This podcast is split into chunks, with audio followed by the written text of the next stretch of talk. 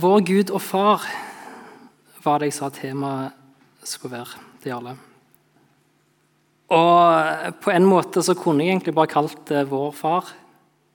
For det er egentlig det jeg kommer til å fokusere på.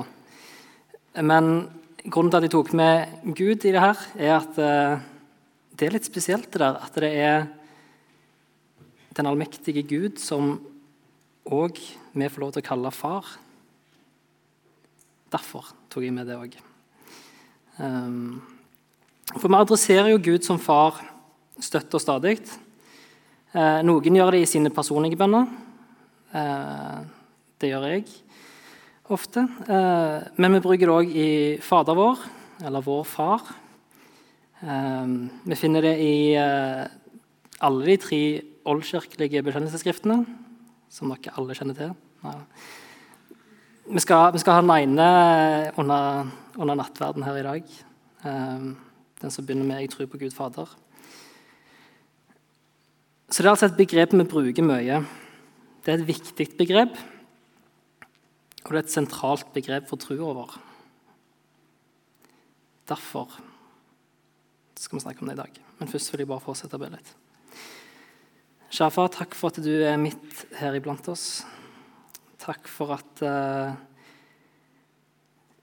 vi får lov til å kalle deg vår far. Og jeg ber om at uh, du må hjelpe meg å gi et sant bilde av hva Bibelen sier om dette her i kveld. Amen. Jeg vil begynne å si litt om uh, gudsbildet. Men før jeg gjør det, så vil jeg at alle skal ta opp mobilen og sette på flymodus. Ta opp mobilen eller penn og papir. Og så finner dere fram den notatappen dere liker å bruke. Og så vil dere skal notere litt hva dere forbinder med begrepet Gud som far. Bare gjør dere litt sånn tanker, tanker, rundt det mens jeg fortsetter. For jeg gidder ikke, jeg gidder ikke vente på dere. For Gud har mange navn. Far er bare ett av dem. Han kalles òg for Klippen, kalles for uh, Den hellige kalles for Majesteten, eh, Herren, blant annet. Men hvorfor det? Hvorfor, eh, hvorfor ikke bare holde seg til Gud? Hadde ikke det vært det greieste? Så Når en leser Bibelen, så vet en at eh, der det står Gud, der er det snakk om Gud. Hvorfor, hvorfor er det sånn? Um, for det andre så er det kanskje et problem at bildene blir litt abstrakte. Med klippen, f.eks. Hva, hva, hva sier egentlig det oss om Gud? Men ta f.eks. Herren, da. Du skal se for deg en herre. Ser du kanskje for deg husets herre, som har familiehuset, han har kanskje tjenere. Så kan en da se for seg en strenge herre. En som utøver makt i husholdningen. Eh, gir luselønn til tjenerne sine. Eh, kjører de knallhardt på, i arbeidet de skal gjøre. Eller kanskje du ser for deg en rik herre. Litt sånn fraværende, litt lat, sløser med pengene, fråtser i mat drikker. drikke. Eller kanskje en god herre som bare er snill og grei, og gjerne skikkelig klok i tillegg. Altså, Begrepet herre det kan ta mange ulike retninger for oss i hodet. Hvis vi da overfører disse tankene på Gud, så kan vi komme til å rote litt i vårt syn på Gud. Vi kan få et bilde på Gud som ikke er sant. Og det samme med begrepet far. Våre tanker rundt den jordiske farsfiguren kan, og jeg tror den preger, vårt bilde av Gud som far. Og kanskje ender det opp med å overføre litt egenskaper til Gud som, som ikke Gud har. Prøver jeg å si at uh, Gud gjorde en bommert når han inspirerte forfatterne til å bruke disse ordene? Nei, jeg gjør ikke det. Jeg tror det jeg prøver å si, er at det er noe å være bevisst over. Og så tror jeg samtidig at det er en velsignelse for oss at Gud har gitt så mange forskjellige ord på seg sjøl, sånn at vi kan få se mer av hvem Gud er. Disse navnene viser oss noe mer av hvem Gud er. Det er ikke bare fine titler som, som skal være eh, romantiserende, si. men, men det er begrep som Gud bruker. Gud gir oss et språk her til å forstå Han. Og for det andre så er Gud en mer perfekt far og herre enn noe menneske vi kan klare å assosiere med. Det skal også legges til at gudsbildet vårt kan endre seg over tid. I forbindelse med dette med far da, når jeg var fem år, så var mitt bilde på far det var en som, en som jeg hadde tillit til, en som ga omsorg, en som var trygg. En trygg figur i livet. Og det, det er han fortsatt. Men jeg har blitt litt eldre, og jeg har fått sett litt mer av far. Og hva han kan bety for meg, hva, hva han speiler. Um, en lyttende far, en klok far. Uh, så det har utvida seg litt. C.S. Lewis han snakker om det at, eh, at, mange nok kunne se for seg Gud som en uh, koselig bestefar. Og ikke som en himmelsk far, på en måte. Og Det er ei som heter Helje Kringelbotn Sødal, som peker på litt av det samme, om gudsbildet hos dagens ungdom. For Hun har forska litt på dette, hvordan ungdom ser på Gud. Hun beskriver dette gudsbildet som koselig majestet. Det er et litt kult begrep, men jeg tror det er ganske betegnende. Det er et fokus på Gud som allmektige, altså majestet. Men det er òg at han er en fortrolig venn, derav koselig. Koselig majestet. Kanskje er det noe som speiler hvordan du ser på Gud.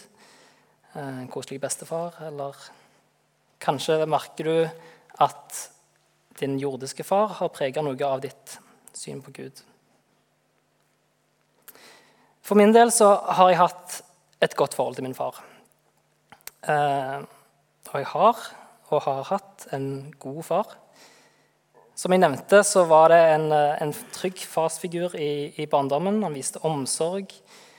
Han eh, setter rammer som kanskje ikke alltid var like kjekke, men jeg ser etter tid at det, det, kan være lurt å sette noen rammer. Han var trygg.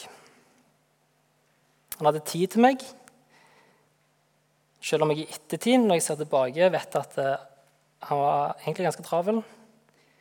Men han hadde tid til meg. Jeg har tre søsken, som alle er ganske mye eldre enn meg. Ehm, så det betyr at i praksis så var jeg nok mye enebarn. Fikk veldig mye oppmerksomhet fra mor og far. Det er veldig kjekt. Slapp å dele det med mine søsken. Ehm, og etter hvert som jeg har blitt eldre, har jeg fått mange gode samtaler med far. Han er trygg og omsorgsfull, som sagt, men jeg har også fått se han som en lyttende person. Eh, som i meg, og en klok mann som jeg eh, alltid går til for å få gode råd når gode råd trengs. Han har integritet, han er reflektert rundt det han velger å si. Og så har han ganske god humor. da. Han liker humor som meg, så det tenker jeg er en god kvalitet. Alt dette preger hvordan jeg ser på Gud som far. Kanskje har du et lignende forhold til din far. Eller kanskje er ditt forhold mer problematisk. Kristine og meg var så eh, den I Can Only Imagine-filmen her på kino om dagen. Og Der fikk en et bilde av en litt mer problematisk farsfigur. Litt mer problematisk forhold, litt mindre tillit. Men for ikke å spoile hele den filmen, så tenkte jeg jeg skulle bare gå og se den. Absolutt. Men jeg tenkte jeg skulle trekke inn en kar som heter Francis Chan, som dere kanskje har hørt om. Han er en amerikansk pastor eh, som bl.a. har skrevet en bok som heter 'Crazy Love'. Og det heter han også på norsk, ironisk nok. Her forteller han om sin far, som er et litt annet bilde enn det jeg har. Eh, så jeg tenkte jeg skulle dele det. Han skriver Konseptet å være ønska av en far var fremmed for meg. Da jeg vokste opp, følte jeg meg uønska av far min. Mor mi døde når hun fødte meg, så kanskje han så på meg som grunnen for hennes død. Jeg vet ikke. Jeg hadde aldri en meningsfull samtale med far min. Den eneste jeg kan huske, var faktisk da jeg var ni år gammel. Han la armen rundt meg i omtrent 30 sekunder når vi var på vei til min stemors begravelse. Bortsett fra det var den eneste fysiske berøringen jeg opplevde, slagene jeg fikk hver gang jeg var ulydig eller plageren. Mitt mål i forholdet vårt var å ikke irritere far min. Jeg gikk på nåler i huset for ikke å gjøre han sint. Han døde da jeg var tolv år. Jeg gråt, men følte òg en lettelse. Resultatet av dette, av dette forholdet påvirka meg i mange år. Og jeg tror mange av disse følelsene ble overført til mitt forhold til Gud. F.eks. anstrengte jeg meg til det ytterste for ikke å irritere Gud med synda mi eller plage han med mine små problemer. Jeg hadde ingen forhåpning om å være ønska av Gud, men var bare glad for å ikke bli hata eller skada av han. Ikke misforstå meg. Ikke alt var negativt med far min. Jeg takker virkelig Gud for han, for han lærte meg disiplin, respekt, frykt og lydighet. Jeg tror òg at han elsker meg. Men jeg kan ikke pynte på måten forholdet mitt til han i årevis hadde en negativ innvirkning på mitt syn på Gud. Heldigvis tok mitt forhold til Gud en radikal vending når jeg sjøl ble far. Etter at min eldste datter ble født, begynte jeg å innse hvor feil jeg tok i mitt syn på Gud. For første gang fikk jeg en smak av det jeg tror Gud føler for oss. Jeg tenker ofte på datteren min. Jeg ba for henne om natta mens hun sov. Jeg viste bilder av henne til alle som ville se. Jeg ville gi henne hele verden. Noen ganger når jeg kommer hjem fra jobben, kommer den lille jenta mi løpende mot meg i oppkjørselen og kaster seg i armene mine før jeg har rukket å komme ut av bilen. Som du sikkert kan tenke deg, har det jeg kommet hjem, blitt et av dagens store høydepunkter for meg. Min egen kjærlighet til og lengsel etter mine barns kjærlighet er så sterk at det har åpna øynene mine for hvor sterkt Gud lengter etter oss og elsker oss. Måten datteren min uttrykker sin kjærlighet til meg på, og hennes ønske om å være sammen med meg, gjør meg full av undring. Ingenting kan sammenlignes med følelsen av å være ønska av barna dine. Denne erfaringen har fått meg til å forstå at min lengsel etter barna mine bare er en svak avglans av Guds store kjærlighet til meg og hvert eneste menneske han har skapt. Jeg er bare en jordisk, syndig far, og jeg elsker barna mine så høyt at det gjør vondt.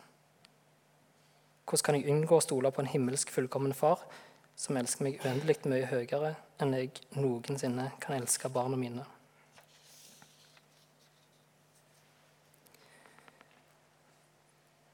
Det var hans historie. Eh, en litt annen farsfigur. Kanskje er det uendelig mange andre farsfigurer i, som dere har i dette rommet. Men det har dere sikkert skrevet ned på appen allerede. regner med. Men vi kan gå litt inn i hva Bibelen sier om Gud som far. I Det gamle testamentet så omtales ikke Gud som far særlig ofte. Iallfall ikke like mye som i Det nye testamentet. Vi kan lese f.eks. fra 5. Mosebok 32, vers 6. Eh, slutten av verset der. Er, ikke, er han ikke din far som skapte deg? Han former deg og holder deg oppe. Så det ligger et farsperspektiv i Det gamle testamentet òg. Gud var far for Israel som sto i et spesielt forhold til ham. Men det er i enda større grad brukt i Det nye testamentet. Jesus sier til Maria i Johannes 2017.: Gå til mine brødre og si til dem at jeg stiger opp til Han som er min far og far for dere, min Gud og deres Gud. Det skjer bare en sånn generell betydning av far, eh, universets skaper.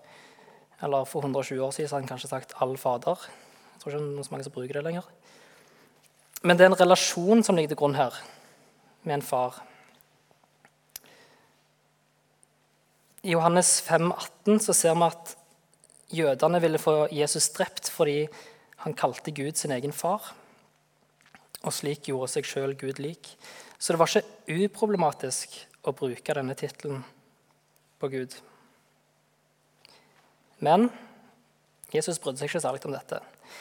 I Det nye testamentet så kaller Jesus Gud for far rundt 160 ganger. så jeg klarte å finne. Så han eh, stoppa ikke med det. Av det jeg klarte å finne, så er det i hvert fall 62 ganger at mennesket forfatterne, kaller Gud for sin far. Jeg skal ikke geeke veldig mye på tall, men det er litt interessant å se. For bruken av Gud som vår far finner vi igjen i 21 av 27 brev i Det nye testamentet. Det er gjennomgående begrep som brukes i hele Det nye testamentet. Det er ikke bare et par ganger at vi finner det. Men hva vil det si at Gud er vår far? Da vil jeg begynne med Johannes 1, 12.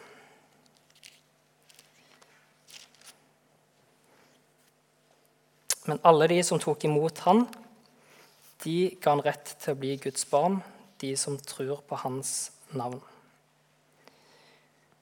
Når vi kaller Gud for far, så vil det si at vi er hans barn. Enkel logikk tilsier det.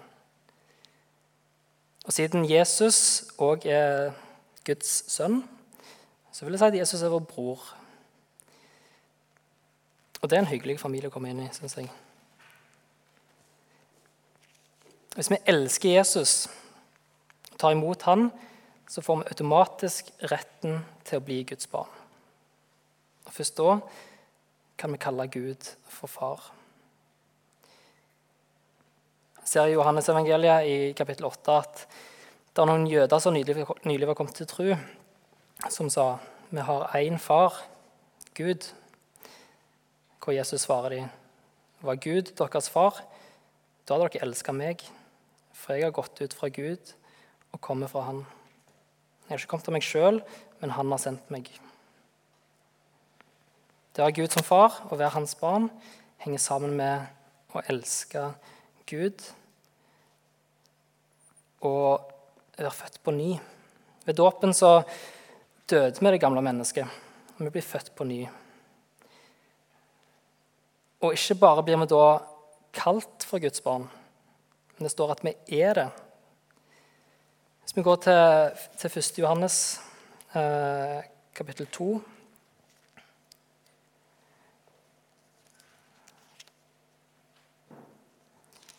vers 28. Ja, bli i ham, barn.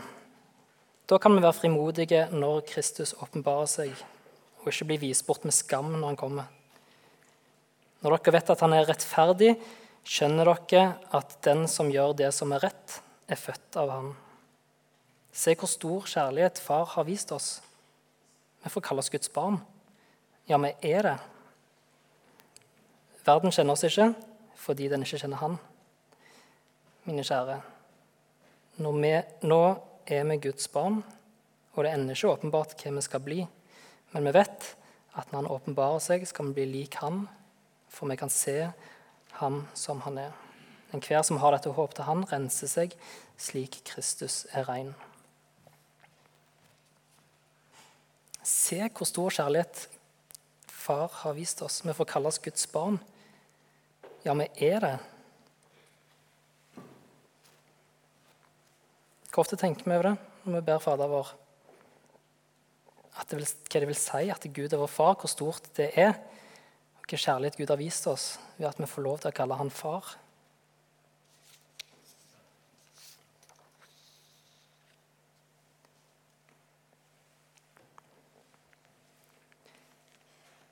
Vi kan bla opp i Romerne 8.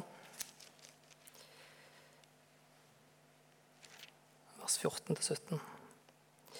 Alle som drives av Guds ånd, er Guds barn. Dere har ikke fått den ånden som slavene har, så dere igjen skulle være redde. Nei, dere har fått ånden som gir rett til å være Guds barn. Den som gjør at vi roper 'Abba, far'. Ånden sjøl vitner sammen med vår ånd om at vi er Guds barn. Men er vi barn, er vi òg arvinger. Vi er Guds arvinger og Kristi medarvinger, så sant vi lider med Han, så vi òg skal få del i herligheten sammen med Han. Vi har fått Ånden, som gir rett til å være Guds barn. Gud har sendt sin sønns ånd inn i våre hjerter, og ånden roper 'Abba, far'. Ved Jesus og ved frelsen så har vi blitt rettferdige ved Hans nåde, og vi har blitt arvinger til det evige liv. Vi har fått barnerett, vi har fått arverett, vi har fått rett til å kalle Gud for vår far. Alt dette ligger i begrepet far.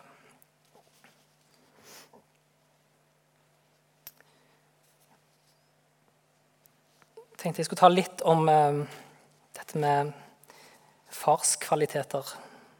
Da får Peder litt å gjøre på, for det er litt sånn bibelversbonanza. Men litt hvilke kvaliteter Bibelen viser oss når det kommer til Gud som far. Først finner vi i Matteus 7, 9-11. Gud er en kjærlig og omsorgsfull far. Hvem av dere vil gi sønnen sin en stein når han ber om et brød, eller gi han en orm når han ber om en fisk? Når sjøl dere som er onde, vet gi barna deres gode gaver, hvor mye mer skal ikke da deres far i himmelen gi gode gaver til de som ber ham? Gud er en kjærlig far. Matteus 5, 48. En fullkommen far. Vær da fullkomne slik deres himmelske far er fullkommen. Matteus 6,6.: En lyttende far. Men når du ber, skal du gå inn i rommet ditt og lukke døra og be til din far som er i det skjulte. Og din far, som ser i det skjulte, skal lønne deg.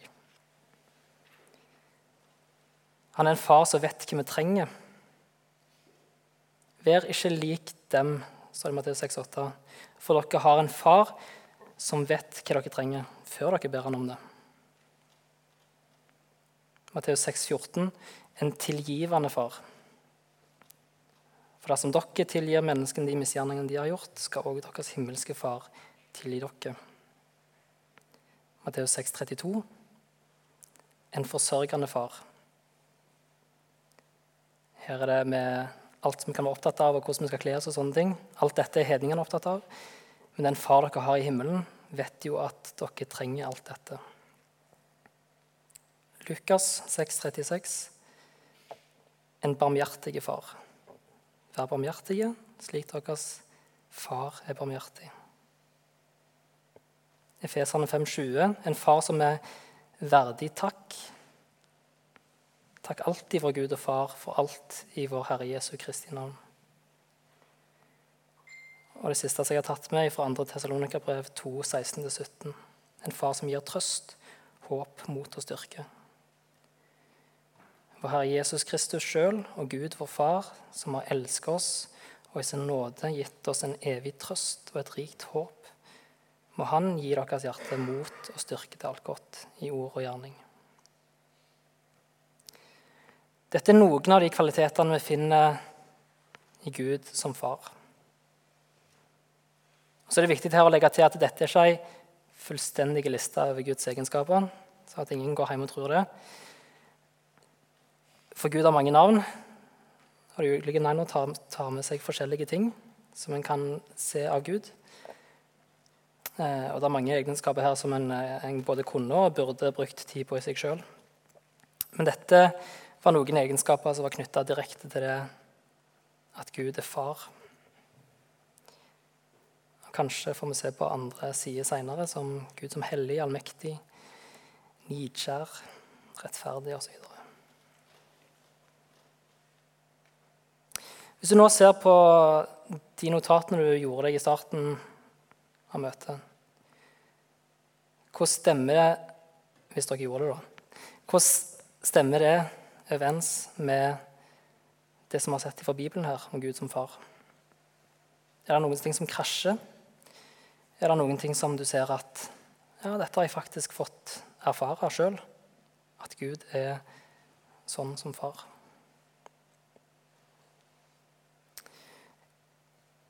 Karl Olof, type Rosenius, han sier det som, som dette om det å be Fader vår. For sjølve vårt åndelige liv beror på om vi har en sann, barnlig tillit til Gud. Sånn at vi i ånd og sannhet kan kalle han vår far. Blir samvittigheten på nytt fanga under trelldomsåk, så en ikke lenger tør nærme seg den himmelske far med denne bønnen, så fører det til åndelig død. Og sovner en inn igjen, sånn at en i lettsindighet ber Fader vår uten å mene noe med det, så fører det òg til åndelig død. For det åndelige liv er barnets fortrolige samfunn med Gud. Som apostelen sier, dere har ikke fått trelldommens ånd, så dere atter skulle frykte. Dere har fått barnekårets ånd, ved hvilken vi roper Abba, far. Ånden sjøl vitner med vår ånd at vi er Guds barn. Det viktigste av alt er at vi er oppriktige for Guds ansikt. Vekk med alt hykleri. Be ikke Fader vår uten at du mener hva du sier. At Gud er din rette far, og du hans rette barn. Be det i hvert fall ikke uten at du i det minste jager etter om du kan gripe det. Jeg tenkte til slutt at vi kunne be denne bønda som Jesus lærte oss, eh, vår far, som han kalles nå. Um, så tenk litt over det. Hva, hva vil si at Gud er far? Er det noe du sjøl kjenner på, eller er det noe du jager etter? Vår Far i himmelen. La navnet ditt helliges. La riket ditt komme. La viljen din skje på jorden slik som i himmelen. Gi oss i dag vårt daglige brød, og tilgi oss vår skyld, slik også vi tilgir våre skyldnere. Og la oss ikke komme i fristelse, men frels oss fra det onde. For riket er ditt, og makten er i evighet.